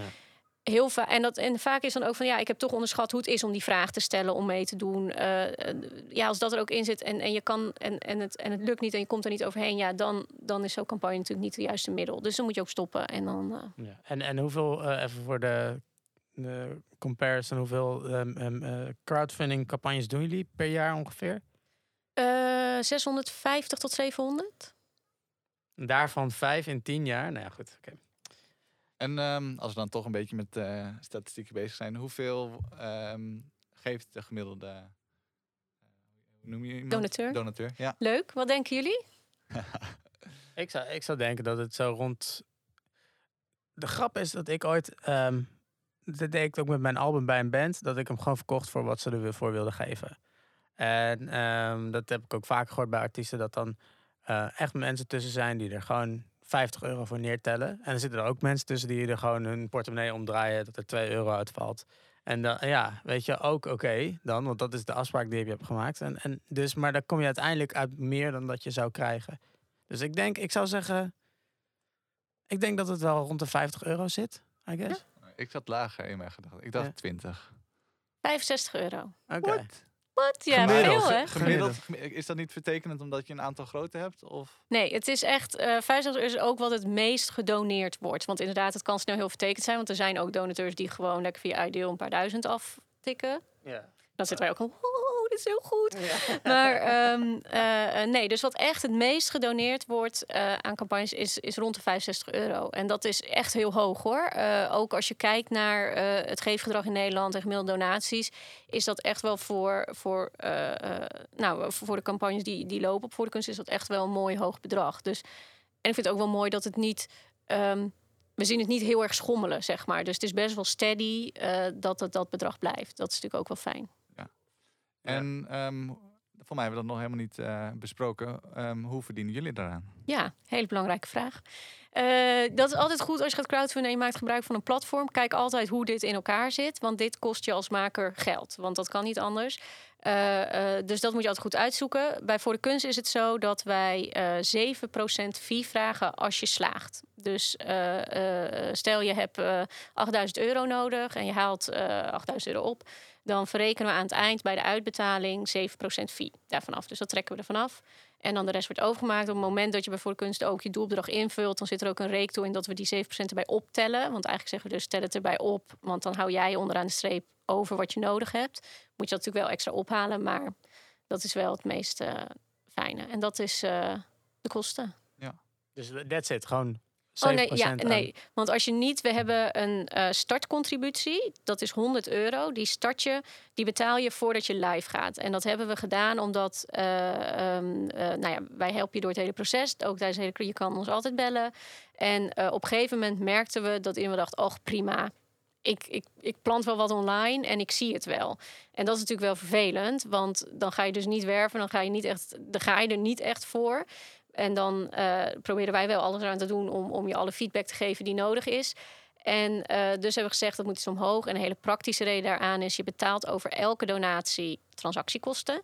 En eh, die willen we niet bij de makers neerleggen of bij de donateurs. Dus die betaalt voor de kunst. Dus als jij wel gaat eh, crowdfunden, maar verder niet je best doet, hebben wij er wel al wat kosten aan gehad. Dus op die manier dekt niet helemaal, maar het is dus die- iets, een, een, een, eh, een dus die- commitment dingetje, vinden wij toch? Ja, wel. precies. Dus commitment en ook het eh, dekt de, de transactiekosten. Dus daar gaat het Een van. paar cent, is dat per eh, transactie dan of zo? Wat, Ja. eh, ja. Ja. Ja. Oké, nou ja, dat is wel, eh, wel duidelijk gewoon voor bij jullie inderdaad. Maar check dat dus wel heel goed, hè? want er zijn allemaal verschillende constructies. En Ja. eh, eh, kijk daar, dus kijk ook echt wat een platform voor je doet. Eh, wat zit er begeleiding in? Eh, zijn er dus partners? Check dat echt goed. En eh, soms hebben wij voor de kunst ook aanvragen. Denk je, dit past niet bij ons. Je moet dan verwijzen weer naar een ander platform waarvan wij weten die is ook goed. Of dus dat check dat echt, want dat is echt zuur anders. Ehm, kunstenaars en, en, en geld gaat al, is altijd een beetje, dat wrijft altijd een beetje. Denk aan ik wel, de, de Van Gogh die niks aan heeft verdiend en daarna na zijn dood er miljoenen voor zijn schilderijen worden betaald. Ja. Ehm, ja, hoe, hoe denk je dat, dat dit, waardoor dit nog steeds eh, dat gevoel heeft? Dat, dat kunstenaars eigenlijk ehm, het voor de kunst moeten doen en het geld een beetje links moeten laten liggen. Ja, nou, ik vind zeker niet dat een kunstenaar het eh, voor de kunst moet doen. Ja, wel, ze moeten voor, voor de kunst, maar niet eh, in die zin die, die jij noemt. Want ehm, zeker, dat is natuurlijk de, intrinsieke drijfveer. En dat is, dat is waarom je dingen maakt. Maar uiteindelijk is voor alles wat je maakt, heb jij ook middelen nodig. en ehm, eh, daar hebben we in Nederland een vrij fors subsidiesysteem voor. Eh, maar ook dat zijn gewoon inkomsten en financiële middelen. Dus het is altijd heel moeilijk dat, dat daar heel. Ik, ik snap dat, er, dat het totaal niet het, het interessantste onderdeel is van, van je beroepspraktijk. En je misschien het ook liever wil negeren dan, dan dat je daar heel erg mee bezig wil zijn. Maar het, het, het is wel een van de tools. Ja, misschien moet je het meer zo. Het is een van de tools die nodig is om dingen te kunnen realiseren. Als jij ook externe wil uh, inhuren of dingen moet, uh, moet, moet, moet kopen om, om materialen of enzovoort. Dus ik snap dat het heel lastig is. En aan de andere kant denk ik daarna ook van. Ook altijd de vraag van ja, hoe hoog moet mijn kaartje zijn voor, voor een concert? Hè? Of, of hoe duur zet ik dat album dan? Want ja, eigenlijk wil ik wel dat het voor iedereen, um, iedereen beschikbaar moet zijn dat, dat is natuurlijk heel begrijpelijk. En dat is ook een heel mooi iets dat je dat wil.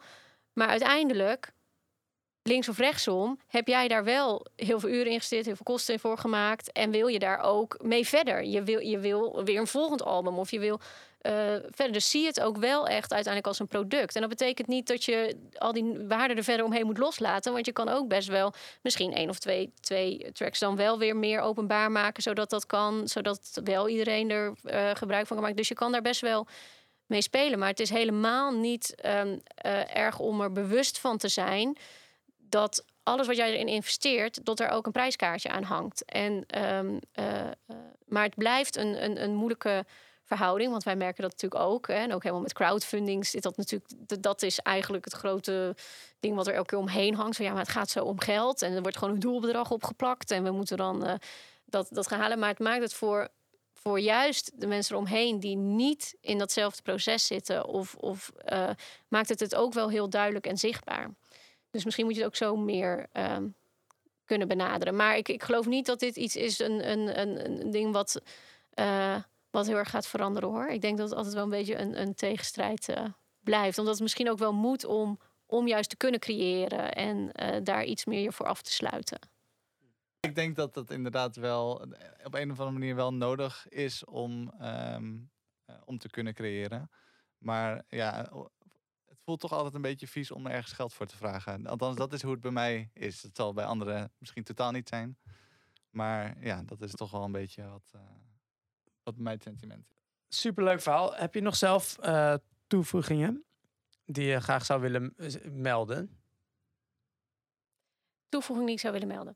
Uh, nou, één toevoeging is denk ik dat het heel fijn is om hierover te praten. Uh, ik denk dat we dat ook meer zouden moeten doen. Misschien ook dat, dat het ongemak van geld en uh, wat vraag je, dat we dat doen. Omdat heel vaak, als wij makers ook praten, uh, spreken en dan dan, merk, dan denk ik, ik heb dit gesprek al tachtig keer gevoerd met een andere maker. En dan denk ik, ja, als we gewoon allemaal er iets meer uh, open in zijn, over elkaar praten, met elkaar over praten, doe dat.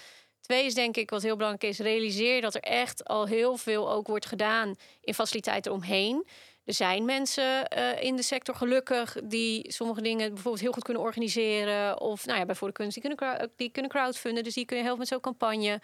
Uh, maar of die heel goed in, in communicatie zijn en daar best een keer met je over willen praten. Dus probeer daar ook meer, als je die kant wil, stel gewoon wat meer de geefvraag, de, de hulpvraag. Excuus, ik zit erg in geven. Uh, in de, de hulpvraag. Um, um, want ik denk dat dat heel belangrijk is. En um, uh, wees dus niet als je denkt van ik weet het allemaal niet, dus ik doe het maar niet. Ja, dat is wel, dat, dat is wel het, het het ding dat, dat het meest je tegenhoudt natuurlijk. En dat zou je ook vast hebben in een creatief proces hoor. Maar als het echt even gaat om alle, alle praktische dingen van je, uh, van, je, van je werkleven omheen. Ja, eigenlijk is het heel fijn dat daarvan het grootste deel altijd mensen zijn die weten hoe dat moet en hoe, ze, hoe je dat heel uh, efficiënt kan doen. Ja. En, en is er nog iets vanuit voor de kunst wat je zou willen pluggen of zo, wat we het nu niet over hebben gehad? Shameless plug, uh, hashtag. We zijn uh, uh, na, binnen voor de kunst ook bezig met een programma dat heet Levend Geven. En dat gaat er dus heel erg over om het geven aan maken stimuleren. Dus ook wat meer vanuit donateurskant beredeneerd. Hè. Er wordt al veel gegeven, maar veel aan of instellingen. Dat is natuurlijk de wat makkelijker weg. Hè. Wordt vriend van het Rijksmuseum. wat we steeds meer zien is dat ook, ook vanuit donateurs het meer geven aan makers. Dus meer direct, wat je natuurlijk ook bij crowdfunding ziet, maar ook voor bij een petje af, wat steeds meer gebeurt. Dat je dat ziet groeien. En dat is eigenlijk wat we binnen Leefgeven meer willen stimuleren. Dus ik zou ook willen zeggen, als je daar uh, uh, nog verder ideeën over hebt of over wil meedenken, ga naar leefgeven.nl, want daar staat ook alles op. En ik denk dat dat ook, uh, um, ook goed is om, om het wat meer eigen te maken allemaal. Dus dat het gewoon echt meer een onderdeel wordt naast de subsidies die we hebben, naast je eigen inkomsten genereren voor als je gaat optreden, noem maar op. Dat, dat donateurs ook echt wel een van die bronnen is en onderdelen is. Levend geven is een, is een. Wat is dat? Is dat, is dat heeft het, Levend geven is, een, uh, is dus eigenlijk een programma wat vier jaar uh, gaat lopen. En het is een samenwerkingsverband tussen Voor de Kunst en Prisma het Cultuurfonds, het grootste cultuurfonds van Nederland, particulier. En Platform Act. Zij zijn opgezet vanuit OCMW. En zij, wij hebben dus allemaal gezegd van oké, we moeten wat gaan doen aan de zichtbaarheid van het geven aan kunst en cultuur voor de makers en hoe we dat kunnen doen. En er zitten verschillende onderdelen in.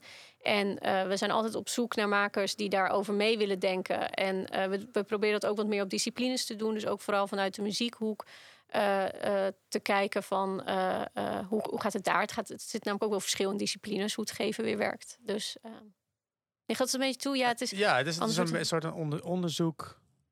Ja. Slash, maar je kan er ook praktisch iets mee. Ja. Oké. Okay. Alright, dus gewoon als je geïnteresseerd bent in dat naast crowdfunden check dat ook even, ja. Alright. Nice. Mooi. Ja, dan zijn we toch weer bij het, uh, de, de vragen die we aan iedereen stellen. Want okay. meestal doen we dit. We hebben een, uh, je hebt een band. Je hebt zelf een band. Uh, of, of je ziet een band, je kent een band. En die, hebben, die zijn net begonnen, die hebben 100 euro. Waar zou jij dat in investeren? Startcontributie bij Voor de Kunst. dat is echt mooi. Ja. ja. Ja. Dan kun je meer van maken. Ja. Oké. En hetzelfde, maar dan 1000 euro. Ze zijn een beetje gegroeid. Ze hebben 1000 euro.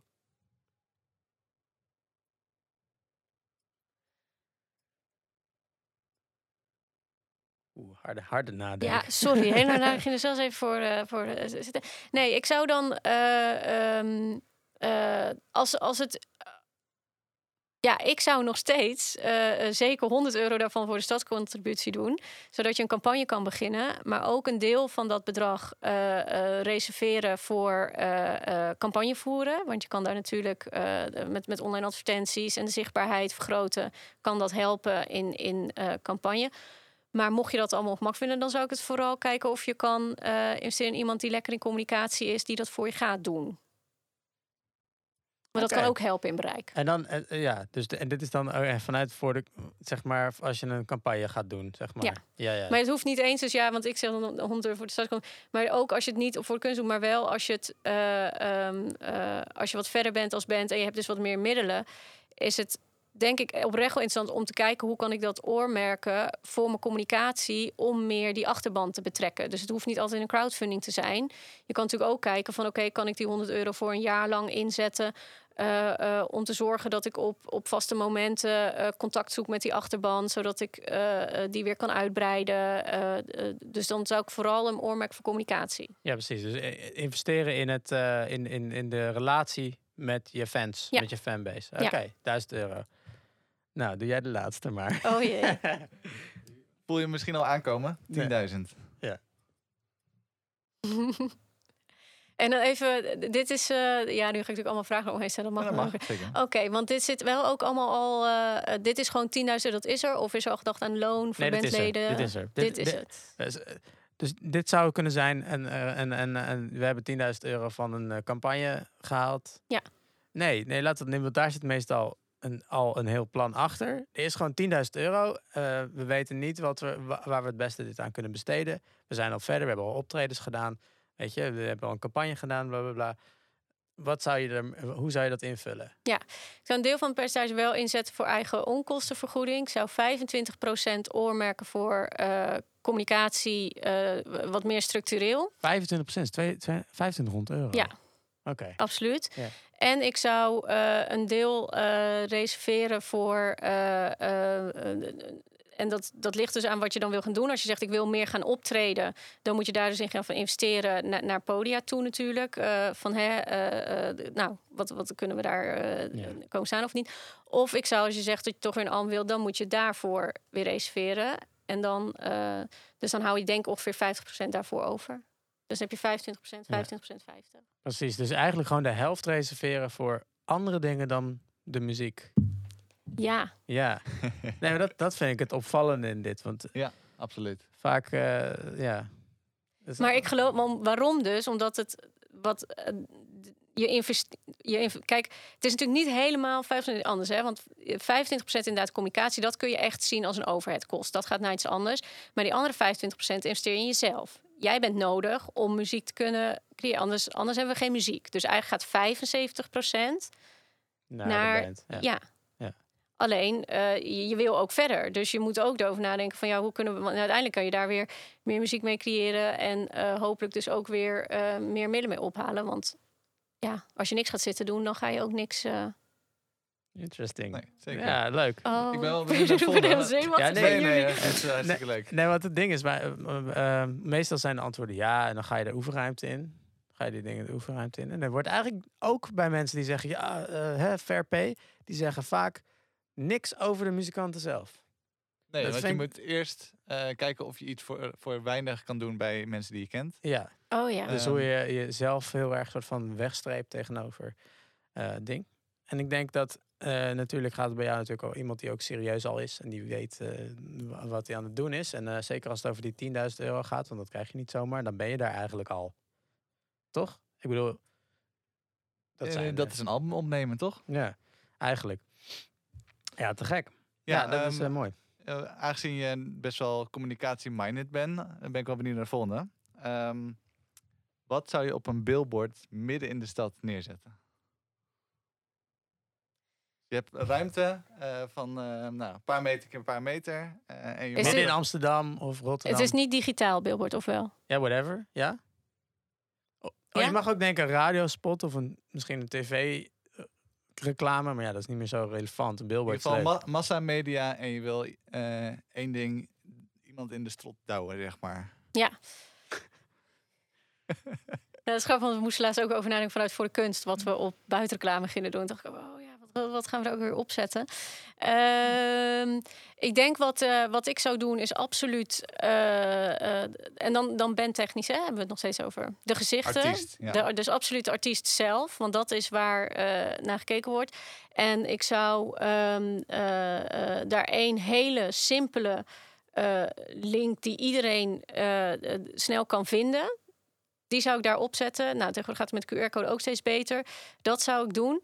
En dat zou ik dan verwijzen naar hetgene wat op dat moment speelt. Dus is dat, is dat een, eh, een, eh, een tour of een album dat er net aankomt of iets. Maar je moet altijd een billboard inzetten voor iets wat naar verwijst waar je meer kan. Want op zich kan je verder met een billboard niet heel veel. Behalve dat je in de herhaling kan. Dus je moet vooral goed kijken als je één beeld krijgt, dat is fijn.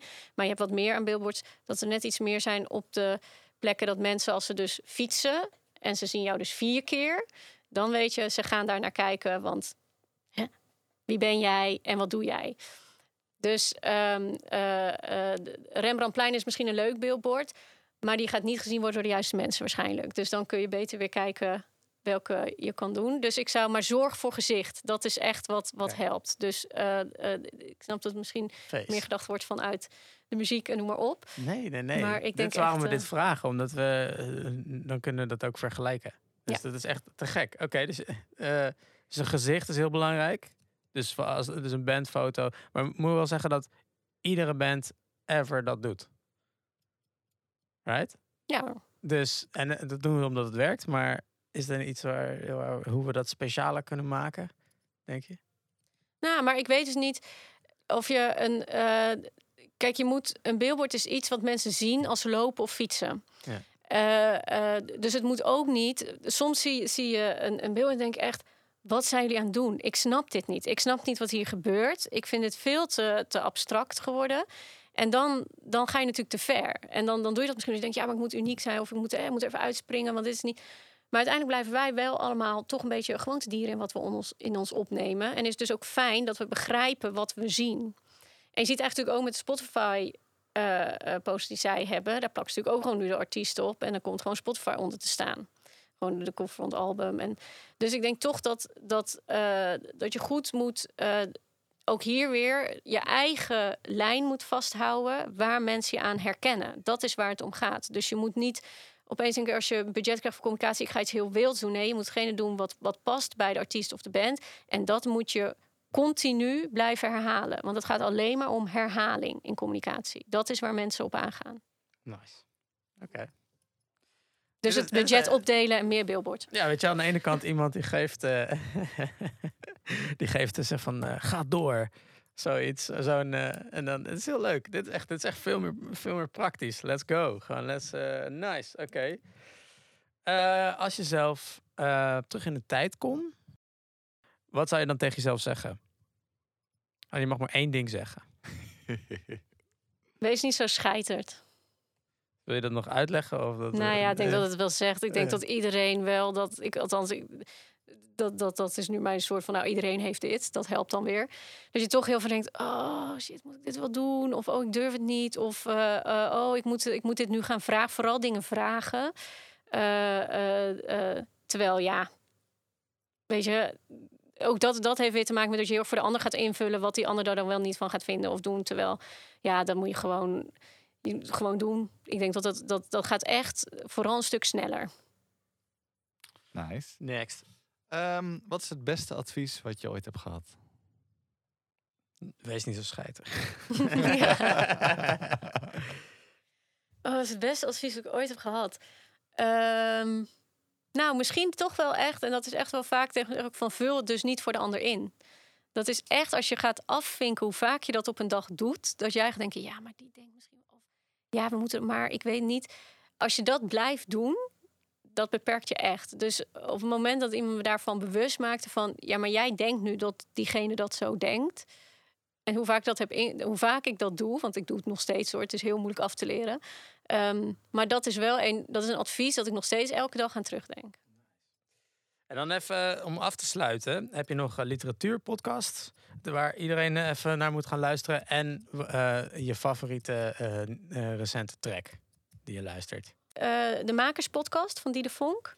Ja. Is die al eerder, of is die al eerder voorbij gekomen? Toevallig vorige keer. Oh, nou, nou, dan is die echt heel goed. Eh, eh, maar dat, dat is ook wel weer misschien zoiets van... als je dus weer helemaal terug naar het begin... wat u vroeg, ja, ben ik creatief? Nee, ben ik niet. Maar dat is dus wel heel fijn, zo'n podcast... dat- dat je wat meer meeneemt daarin. Dat is... eh, eh, eh, dat vind ik vooral als je dus misschien zoals ik niet zo creatief ben... dat het heel fijn is Ja. om te luisteren. Dat is ook een reden waarom je naar de Muzikant Kletskoek podcast moet luisteren eigenlijk. Ja, je- dat is ook al ben je niet een muzikant. Absoluut. Dus Dus dat dat zijn is hele eh, leuke verhalen uit deze industrie en dat is ook leuk voor andere mensen. Nou ja, vooral inderdaad de verhalen eromheen. Ik denk dat dat, dat heel, heel belangrijk is. En eh, ja, laatst ja, ik luister eigenlijk alles wat voorbij komt. Dus het is niet, ik heb er niet één. Ja, dat is misschien heel erg om in een muziekpodcast. Maar heb je wel Spotify-account en zo? En, oh, je- ja, ik heb wel een Spotify-account. Oké. En eh, de- de- de- waar druk jij een hartje bij? Wat vind je leuk? Ja, nee, dat is echt van alles. Oh, dus van dat gaat echt van Jaap van Zweden tot aan soms zelfs gewoon een Disney-nummer. Ah, tot ja, aan, dus echt alles komt voorbij. leuk. Heerlijk. Nou, te gek. Ik denk dat we eh, heel veel informatie hebben. Mijn hoofd zuist een klein beetje. En, eh, Oh, sorry. en nee, we gaan gewoon lekker terugluisteren. Heel goed, heel goed. En eh, dat willen we graag. Dus eh, bedankt dat je bent. En je bent altijd welkom. Eh bent, ge- bent geweest ook. En eh, nou, Jullie zijn ook altijd welkom bij Voor de Kunst. Dankjewel. Dank jullie Thanks. wel. doei. Doei.